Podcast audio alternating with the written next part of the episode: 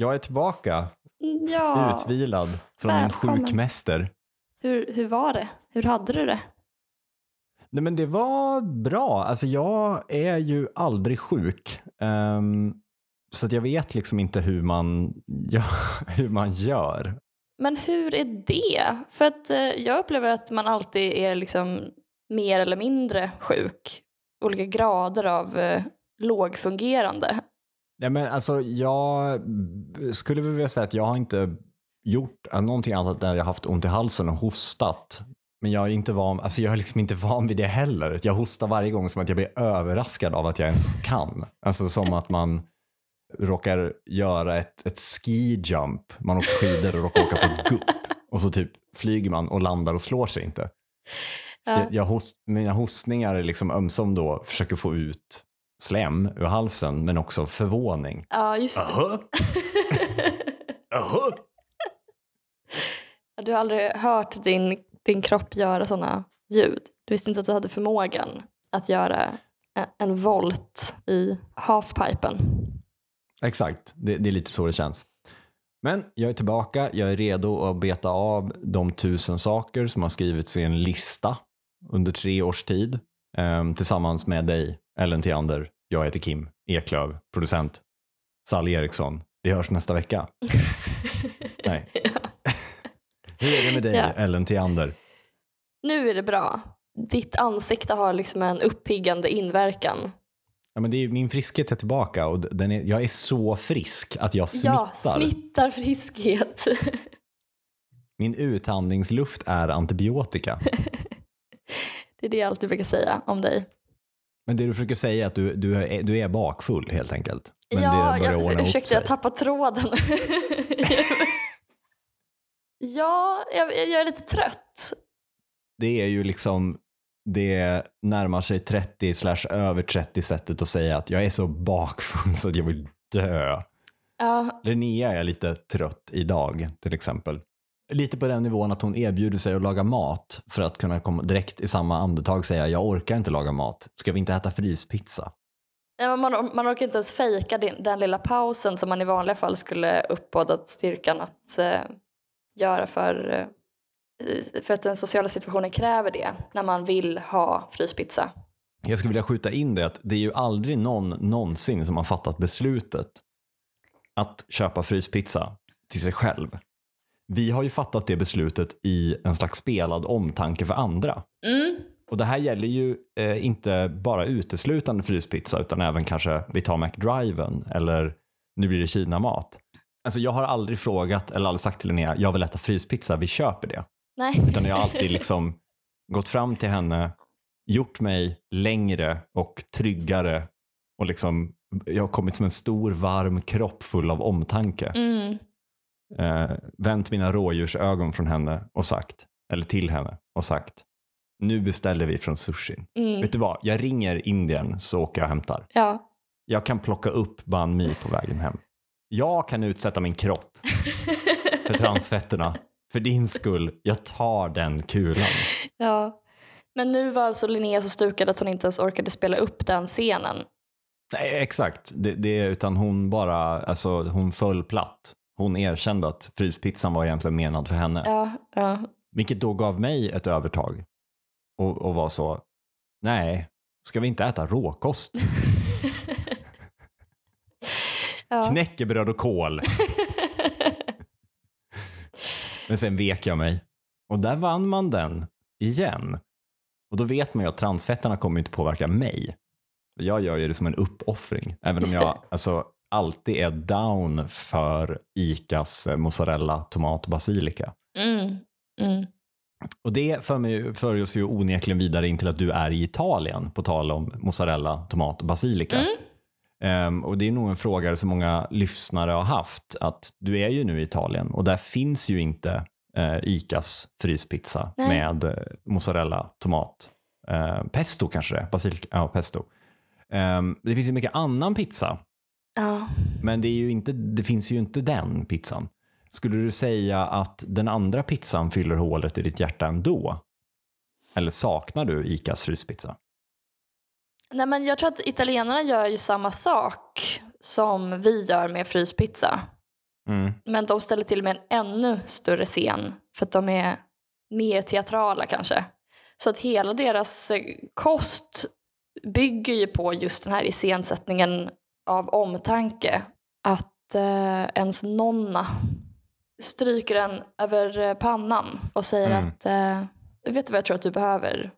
Att vi bygger upp ett samhälle som är så patriarkalt att generationer av kvinnor arbetar fram recept som går i arv från kvinna till kvinna och där varje generation av kvinnor inte ägnar sig åt någonting annat än att laga de här recepten av comfort food.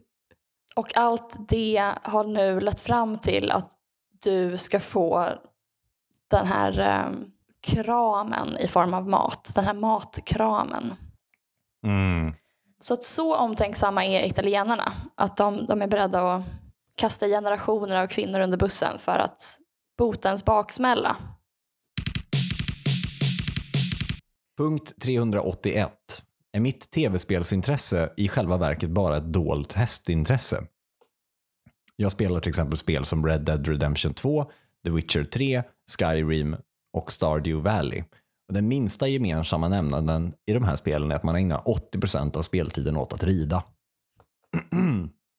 det här har ju du skrivit Ellen. Ja.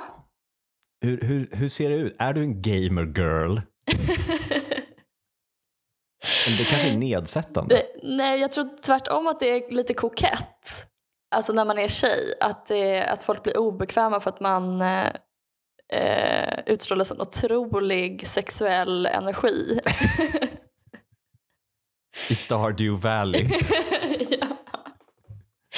Jag kan inte prata om hur mycket jag galopperar i mina eh, 2D-landskap av morötter och selleri och... Andra fallosformade grönsaker. Killarna klarar Ja, inte du av att märker. spela med dig. Ja, du, du hör ju själv.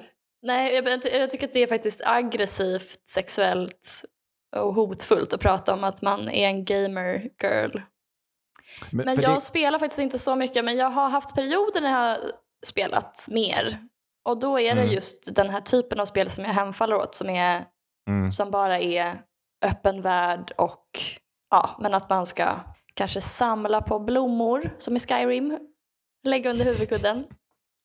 men jag tror att det är det nya, alltså jag tror att det, det är en ny, eh, vad ska man säga, polarisering som växer fram där mellan alltså social gamers och non-social gamers. Mm. För att jag tillhör non-social gamers, precis som jag antar att du gör. Mm. Att jag spelar spel för att koppla av och typ vara en maffiaboss i 30-talets Chicago eller en ehm, Mm. mekaniker under vattnet. Ehm, Gud Alltså, vad avslappnande det låter. undervattenssvetsare. Men annars så tror jag, alltså jag håller ju med eh, din initiala tes då om att det är ett dolt hästintresse. Mm. Men jag tror också att det är ett dolt intresse av att bara göra grejer. så, för det är också många av de här spelen handlar ju bara om att man det finns ju många, alltså egentligen GTA också är ju en sån här klassiker som, som många tycker om att spela. Mm. Eh, Fallout, eh, liksom öppen världsspel, man springer runt och gör grejer. Jag vet inte, det är ju liksom gå till punkt A, hämta grej, gå till punkt B, använd grej. Ja. Det, har man tur så kommer någon på vägen och ber en att göra en, en extra sak vid sidan av. Då är det riktigt tillfredsställande. Att titta på sin lilla karta. Jag hinner förbi. Men det är frågan om det är inte att zooma ut för mycket då, för det kan man ju säga är en gemensam nämnare för nästan allt här i livet. Att göra saker. Eller är det att förflytta sig snabbt kanske? Är det det man är ute efter? Rida mellan uppgifterna. Nej, men jag tänker att så här, det är väldigt ofta man har uppgifter och ibland alltså olika uppgifter, till exempel efter jobbet behöver köpa två grejer och åka till två olika butiker som ligger långt ifrån varandra. Mm. och sen ska man hem. Och däremellan är man ju liksom begränsad av hastigheten man kan förflytta sig fysiskt. Mm. Men i de här spelen, då kan du ju egentligen bara, ja, men du, alltså oftast upplägget där kan ju vara att du gör ett jobb, sen behöver du köpa, jag vet inte, rovor och ge till ditt camp. Mm. Då kan du ju ta det jättefort mellan de här platserna. Det har du verkligen rätt i, för det är ju det som skiljer spelen åt från verkligheten som gör att man inte skjuter upp saker i, den, i spelvärlden. det hade varit kul annars om man hade liksom dragit sig lite för att ta sig till det här banditcampet.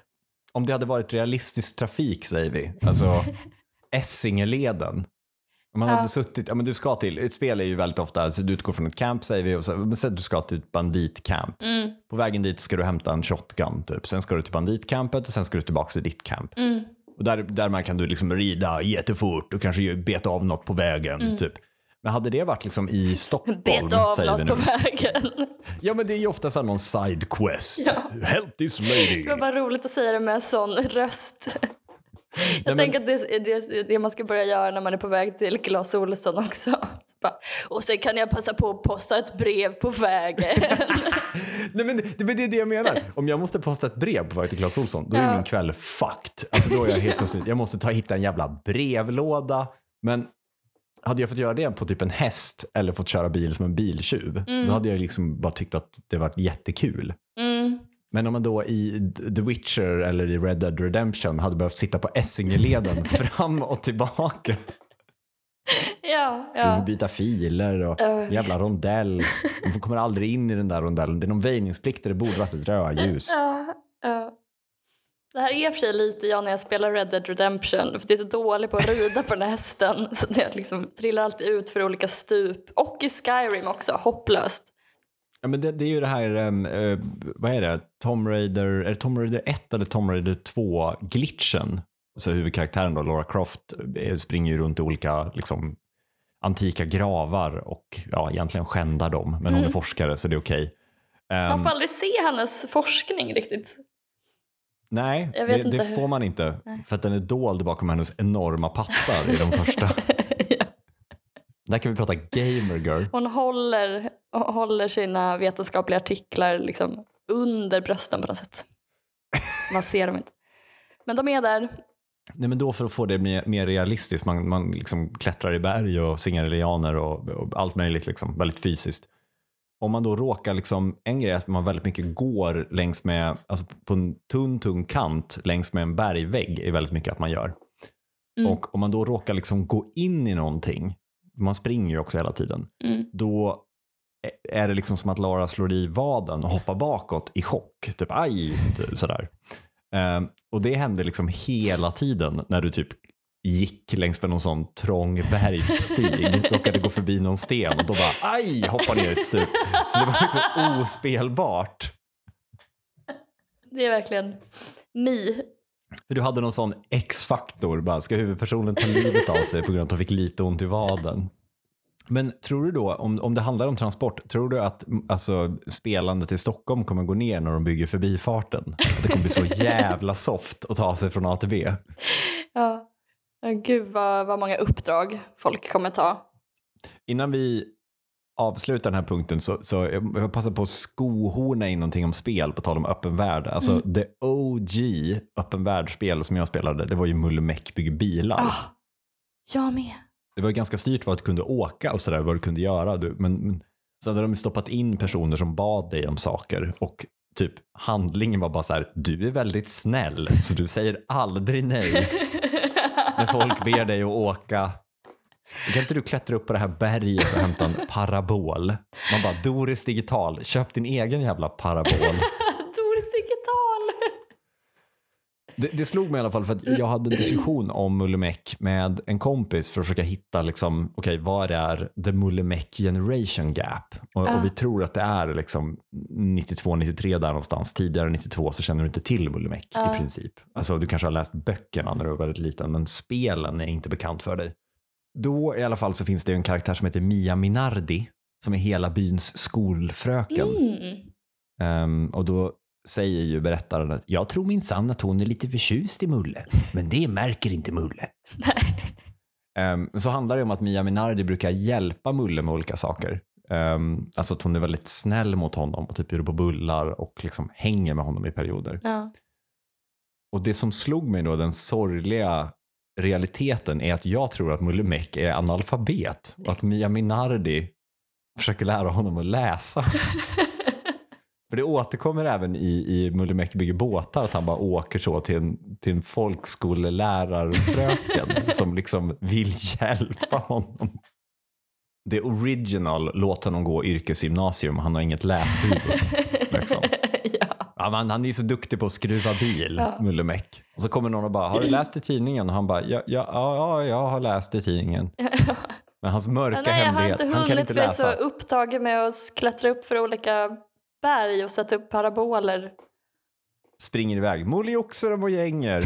Bara, Mulle kom tillbaka. ja, just det. Hela spe- det är kanske det som är storyn då. Han försöker eh, sysselsätta sig på olika sätt för att Ja, För ingen ska märka att han inte kan läsa. Liksom. precis avleda uppmärksamheten från det här pinsamma faktumet. Det är också därför varje gång man får brev i Mulle Meck, för det får man ju ibland. Um, sen gick de över till bara telefon, det var för att Mulle inte kunde läsa dem. Så sa, sa alltid huvudkaraktären, åh, ett brev!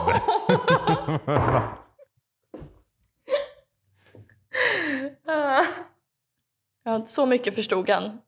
Men du kan inte göra något med den här just nu. Gud, och jävlar! Gåshud. Var är han ifrån? Det är Skellefteå? Lennart Jäkel.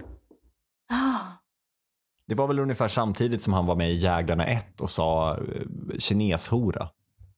Det är lite roligt att tänka att han gick från så, jag vet inte vad de hette, Scandbix eller något. Spelade in kineshora, sen direkt gick till Levande böcker och bara Mollioxer och mojänger, mackapärer och manicker. lite mer sofistikerade förlämp- förolämpningar. Det är så barn kallar folk för hora. Punkt 763. Modernismen kan ha påverkats av att folk var galna. Fan vad sjukt. Är det dags för en avhandling? Så tacksam publik. Mår ni bra? Jag hör er inte. Ja. Modernismen sa jag. ja. Jag tänkte att vi skulle prata lite känslor du och jag. Oj. Men självklart bara på ett strikt vetenskapligt sätt. Sluta ragga. Det, förlåt, men det skämtet, sluta ragga, det, jag tycker det är så kul. Ja. Så jag bara drar det vid helt fel tillfällen. Ja, Till exempel när typ så här 50-åriga män eh, försöker förklara att vi ska göra något jobb ihop. Typ. ja. Haha, det där säger du för att komma in i mina byxor. Alltså det, det, Vad kan Det- vara ett sånt exempel? Vad är det de här männen för, försöker förklara för dig? nej men de kanske förklarar att de har hittat på en smart lösning på eh, något problem vi har i ett projekt. Att de kanske har hittat någon bra underleverantör vi kan ta in. Typ. Och jag bara, hahaha, sluta ragga. De bara, det, det gör jag inte. Jag har fru och tre barn. då, då känns det ju som att de faktiskt raggade. Alltså varför skulle de annars bli så obekväma? Jag såg igenom det. Du är ju inte alls en bra projektledare, du är bara kåt på mig. Jag läste lite dikter Mm, som är skrivna under första världskriget mm, i England. Och eh, min professor sa att eh, Wilfred Owen till exempel och många av de, de så kallade soldatpoeterna hade PTSD. mm. Och eh, att det kan ha påverkat formen på deras dikter. Mhm. Att de skrev formmässigt experimentella dikter som ett resultat av att de var mer eller mindre galna då. Hmm. Ja, men Wilfred Owen, jag vet inte om det är ett bra exempel egentligen men han, eh, för hans texter är väldigt eh, genomarbetade, i alla fall Dulce Decorum Est till exempel, är väldigt genomarbetad och redigerad. Mm. Men eh, där är det definitivt i alla fall att han söker rätt ord. Mm. Det kanske gäller för alla poeter på ett sätt, men att den här extrema situationen kräver helt nya uttrycksmedel helt enkelt. Man kan märka att han griper efter ett sätt att förklara och visa kriget på. Nej, men det slog mig bara då att det, det är... Alltså tänk om det är så att modernismen delvis har påverkats inte bara av den här rent ganska intellektuella, cerebrala Mm. önskan om att visa saker på ett mer ett sätt som passar den nya världen med de nya erfarenheterna mm. som uppstår under den här tiden. Utan att det också är att folks, folk eh, har känslor helt enkelt. Tack för mig. Nej men att det, jag tror kanske att det är ett, eh, ett underutforskat ämne inom vetenskap, även inom litteraturvetenskap. Man, man är så upptagen av logik och ganska så tekniska lös, eh, lösningar på problem. Men då tror jag man bortser från delar av historien som hade kunnat bidra också till en förklaring som är mer det här känslomässiga. Ja, men eh, bland annat Rita Felski finns en litteraturvetare som heter som eh, mm. vill uppvärdera känslor i läsning och som ett kritiskt modus, alltså för litteraturvetenskaplig forskning. Mm. Eh, och som kritiker, att man... Hon menar att det, den kritiska traditionen är väldigt genomsyrad av ett visst modus som man kanske inte har ens betraktat som att det är ett modus eller en sinnesstämning, ett temperament som man läser med. Eh, för att man har sett det som att det är att så här, ja, men nu, jag läser bara objektivt ungefär mm, och mm. kritiskt. Men att det är, det är också ett temperament. Att vara misstänksam till exempel mot en text och, och förhöra texten, ställa texten inför rätta mm. eh, och fråga ut den med hjälp av olika kritiska skolor. Alltså här, nu ska jag minsann avslöja dig. Bok. Mm. Uh, if that's even your real name. ja, men det, det, här boken handlar i, den här boken handlar egentligen om hans relation till sin mamma. Ja, men till exempel. Om... Ja. ja. men den här boken är egentligen kvinnofientlig. Mm. Eh, är en väldigt vanlig läsning som folk väljer att göra. eh, och det behöver inte vara fel, men, men hon menar väl bara att så här, ja, men, ni läser också med era känslor. Det är bara att mm. ni inte är öppna med vilka de känslorna är. Och vi skulle också kunna vara mer öppna med vilka av våra passioner texten väcker till exempel. Mm. Varför, varför älskar jag den här texten? Mm. Um, och att det är konstigt frånvarande just för att de allra flesta som håller på med litteratur, oftast så är det av ett intresse som är passionerat. Men man, man, känner ju något för det. Man blir ju inte, alltså man har inte, det är inte så att det liksom, folk trillar in på att bli litteraturkritiker till exempel. Nej. För det finns så jävla många lediga jobb. Så att det är bara, ja, nej, men jag bara går hit, läser lite bok, skriver lite och sen går man hem. Du vet hur det är, the daily grind. Utan man har nog kämpat för att man verkligen vill och brinner för ja, litteratur. Ja. Typ.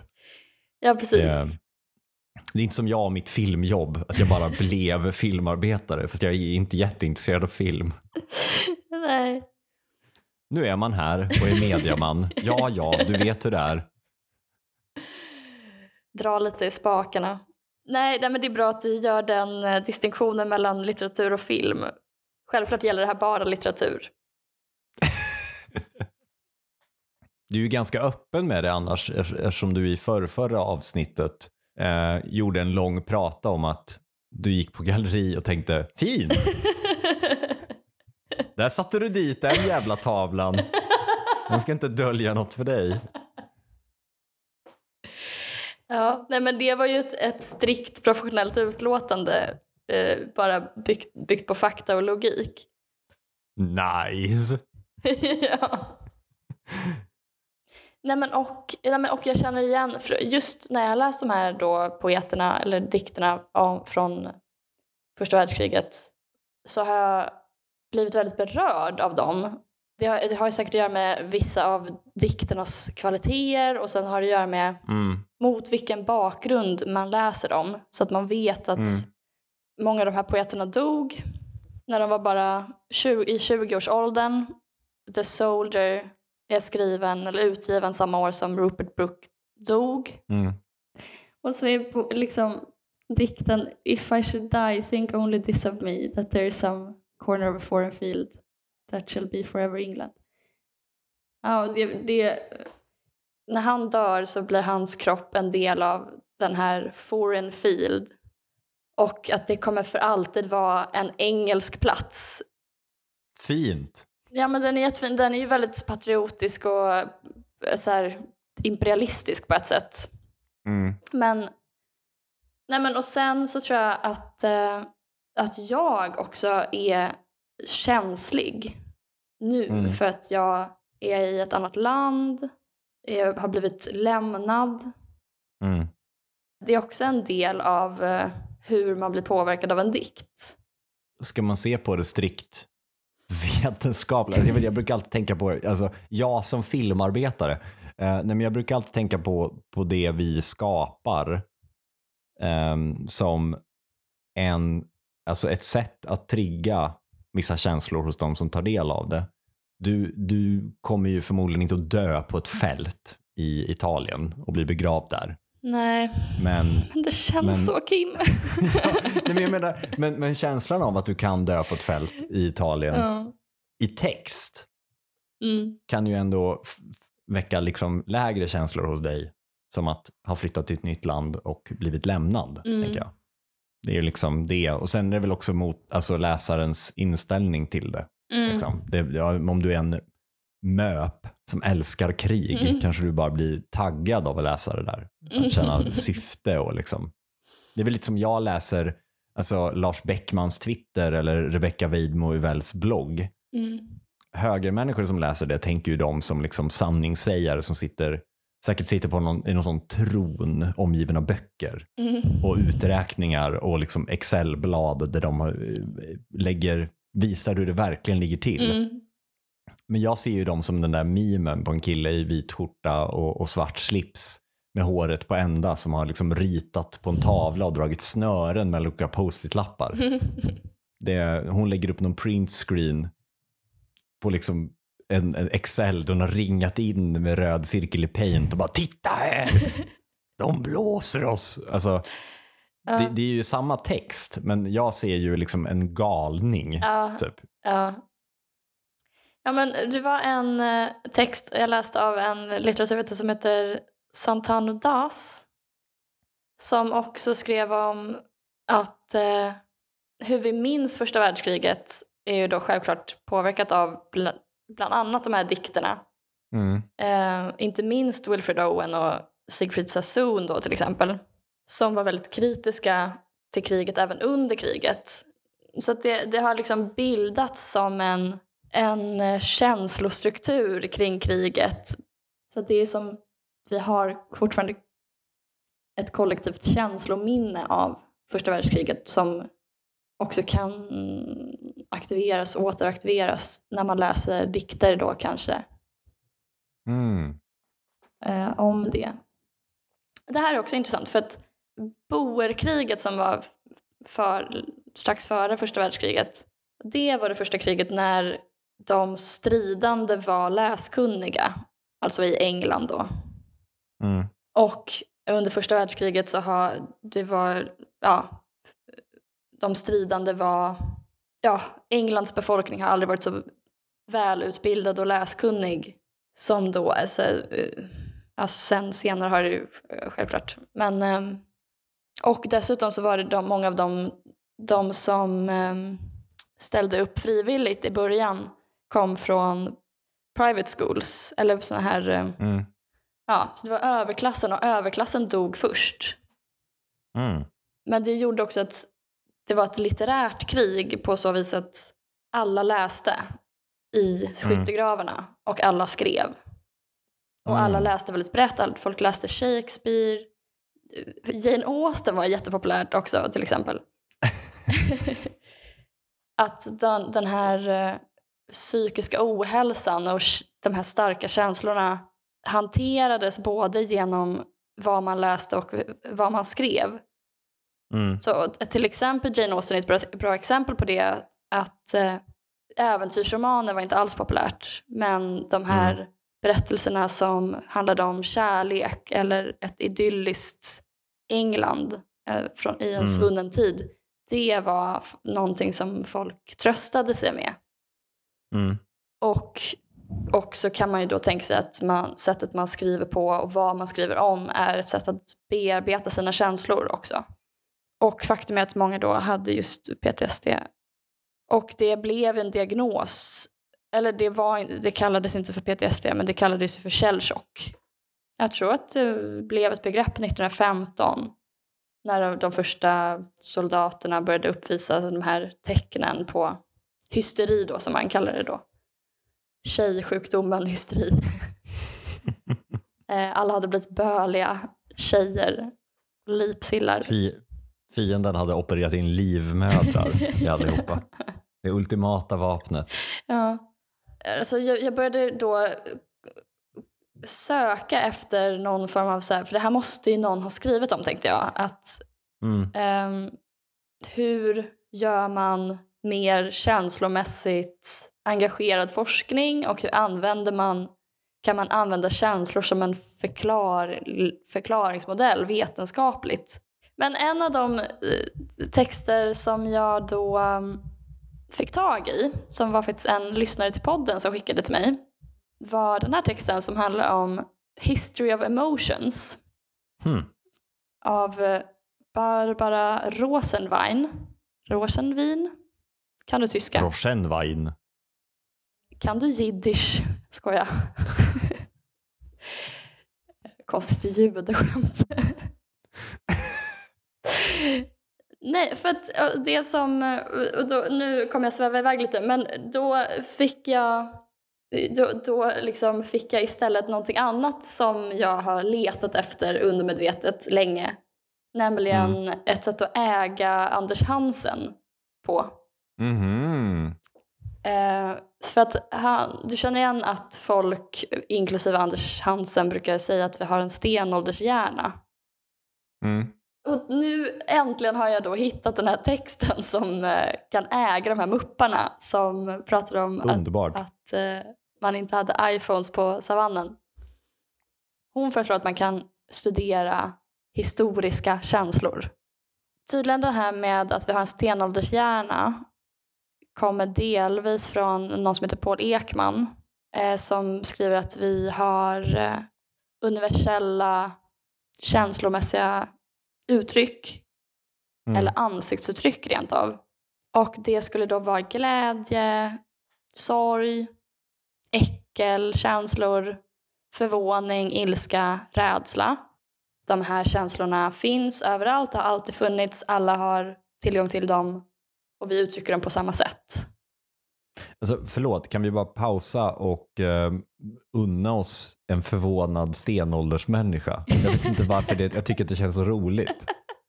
Vad skulle de bli förvånade över? Åh, Oh. en... Men det är som Ödla.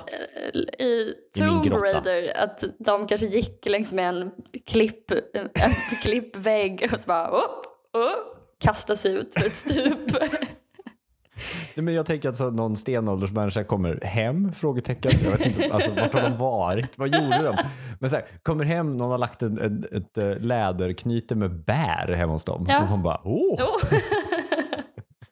till mig? Ja. Jag tänker dem alltid som lite så 70-tals göteborgare, att de var lite goa och glada. Ja. Nej, men det, finns, det fanns säkert kanske någon kanske åt en giftig svamp. Förvånad, sen död. Åh nej! Att det är någon slags pilsnerfilmsvariant Ja. av stenåldern. Förvånade. Och att de gör den här alltså, emoji-förvånad. Att det är en sån stor rund mun. Åh! Nej, men också att de eh, springer ut för ett stup och sen får de såna här hjulben som snurrar jättesnabbt och så tittar de in i kameran och bara åh. Och sen trillar Ja, de men ner. exakt. Den hjärnan är samma som nu får iPads. Ja. Det, där var vi. Nej men för det, det är faktiskt ett argument emot. Jag ska, jag ska se om jag kan eh, sammanfatta alla argument. Det kanske inte vi har tid för. Men ett argument är då att evolutionen premierar anpassning. Mm. Så att det verkar konstigt att vi inte skulle ha utvecklats överhuvudtaget. Eh, för att bara över någon generation eller bara i en enda människas liv så utvecklas ju vår hjärna hela tiden baserat på Mm. impulser. Och liksom epigenetik är ju numera en stor grej. Dels har vi inte tillgång till stenåldershjärnor att jämföra Mm. med. Eh, och det som den här Paul Ekman bygger sin teori om det här, de här universella känslorna på Mm. är experiment som är gjorda på olika då ursprungsfolk i vanlig ordning eller stammar som har varit isolerade. Mm. Och jag ska se om jag kan hitta det. Och grottmålningar på emojis med sån här oh, mun. Ja. Så när, när den här Paul Ekman då gjorde si, sina, sina experiment, eh, la fram den här teorin, så hade han studerat eh, fårefolket i Nya Guinea. Mm. Och då hade han med sig någon som heter Sörensson. Eh, och han var översättarassistent. Och då berättade de olika historier för de här människorna. Mm. Och varje historia skulle väcka en viss känsla. Och sen Mm. var, fr- tillfrågades de att eh, välja mellan tre fotografier på ansikten. Vilken av Mm. de här ansiktena, eller ansiktsuttrycken som bäst fångade den här känslan som historien väckte. Mm. Eh, och då så skriver den här Sörensson att åtminstone någon del av de här svaren måste ha påverkats av interaktionen mellan översättare och deltagaren i studien. Mm. Och man kan ju också tänka sig att så här, sättet den här studien var konstruerad på har sina brister kanske. Att man, det är bara, man får välja mellan tre ansiktsuttryck och då vet man inte om så här, ja, men, är det nära nog eller är det här faktiskt exakt en exakt representation av Mm. hur de hade, hade, hade de gjort exakt det här ansiktsuttrycket, liksom om de hade fått Mm. Mm. eh, göra det själva. Och betyder de här ansiktsuttrycken samma sak? Och som någon annan då, psykolog, Russell, har sagt så kan de ha trott att ansiktena svarade mot vissa situationer och inte att de uttryckte känslor. Och när Sörensson visade de här fotografierna och bad eh, deltagarna namnge känslorna Mm. baserat på uttrycket så skriver han att många var, o, blev osäkra och tveksamma och förvirrade. Nu är det inte säkert att de här känslouttrycken betyder samma sak för oss som för fårefolket. Men... Och sen så skriver han att de som hade haft minst kontakt med västerlänningar gav många felaktiga svar, så kallat felaktiga. For example, all respondents used the equivalents of the words anger or happiness to describe the face intended to demonstrate disgust. Whatever floats your boat. Ja, precis. Och det gällde också för uh, sadness. Det, det här skulle jag snarare tolka som att det inte är universellt. Men det eh, valde Paul. Ekman att inte tolka det som.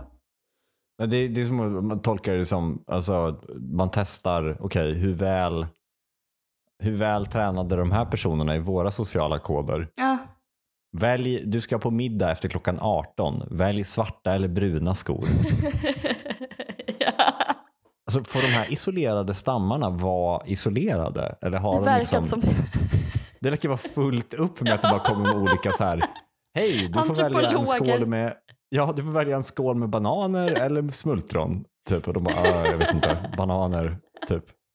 Och sen baserar vi hela vår världsbild på det och ger ut böcker och bara, bananerna, de är bäst. De får verkligen inte en lugn stund. Nej, nej, det står alltid någon antropolog redo med tre fotografier. Ja, det är verkligen så. Jag är också nyfiken på de här arketypiska ansiktsuttrycken. Alltså jag vet ju att det finns definierande drag liksom. Eh, för någon som är arg till exempel. Men typ min pappa när han är arg, det enda han gör är att han spänner ögonen. Ja. Om inte han är liksom mitt i att skrika. Det skulle bara vara, alltså så här, han har inte så många ansiktsuttryck när jag tänker efter. Så det skulle bara vara att hans ögonmuskler justeras liksom på olika bilder. Ja men eller så är man som du och jag, alltså people pleasers. Som är så här, oavsett vad vi känner så kommer vi bara liksom le. Att det är så här, det, det, enda, det enda ansiktsuttrycket. Vi åker till en stam, en isolerad stam i Ny Guinea och visar tre bilder på oss där vi ler. Och bara, vilken av de här skulle ni välja? Om ni var Vi upprörda. åker dit med tre bilder på påsköd-statyn. ja. Alla pekar på dig. Det är Ja. hon ju. Känd från Påskön.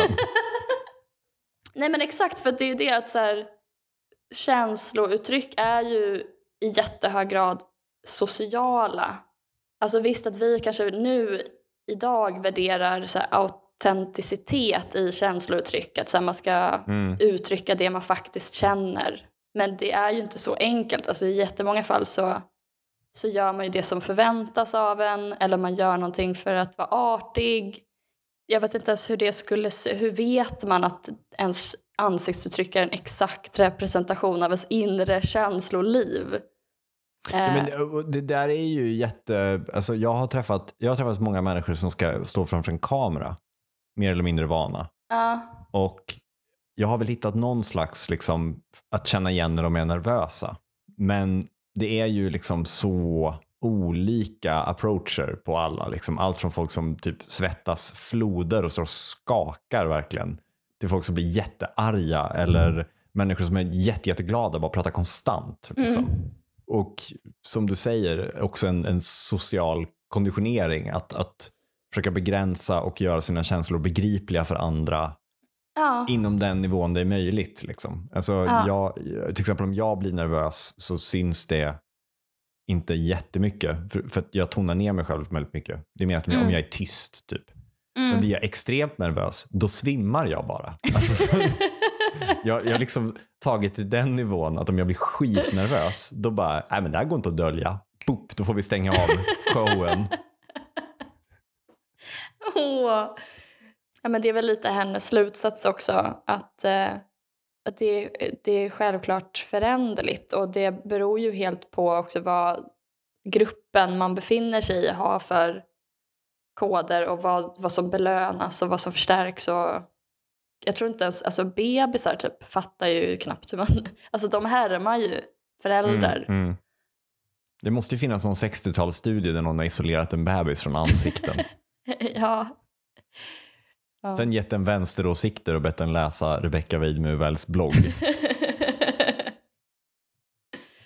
Det finns någon studie på eh, ett folk som heter Ifaluk i Mikronesien och att de eh, eh, hade uttryck för känslor, eller de hade ord för känslor som inte korresponderade alls särskilt väl med västerländska termer.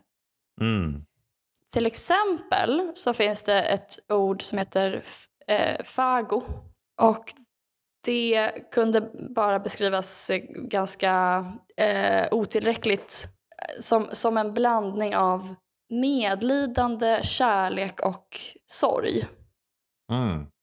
Och sen även om man, om man går tillbaka till texter, ja men det är då ett, ett Platon och eh, Aristoteles som har, som har myntat pate, Mm. som då är ungefär känslor.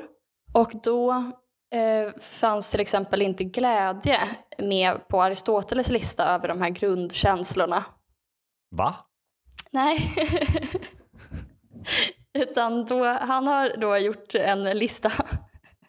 Det är så gulligt. Alltså det är, tack snälla Aristoteles för att du alltid gör listor. Alltså, Det är Ja. original Buzzfeed. I fucking love science, Aristoteles. ja, men också verkligen så här, the original typ neurotisk eh, tjej. För och nackdelar med min kille. Ska jag göra slut eller inte? Av Aristoteles. Av Aristoteles. Nej, men då hade han med ilska. Det här är ju ungefärliga översättningar då. Mm. Mildhet, Mhm. kärlek, hat, rädsla, självförtroende eller självkänsla, skam, skamlöshet, Oj. välvillighet och brist på välvillighet. Eh, och eh, medlidande, eh, indignation eller kränkthet, avundsjuka och tävlingsinstinkt. Just det, Ja. de grundkänslorna. Mildhet, det relaterar är- jag till. Känner mig Verkligen. oftare mild än glad.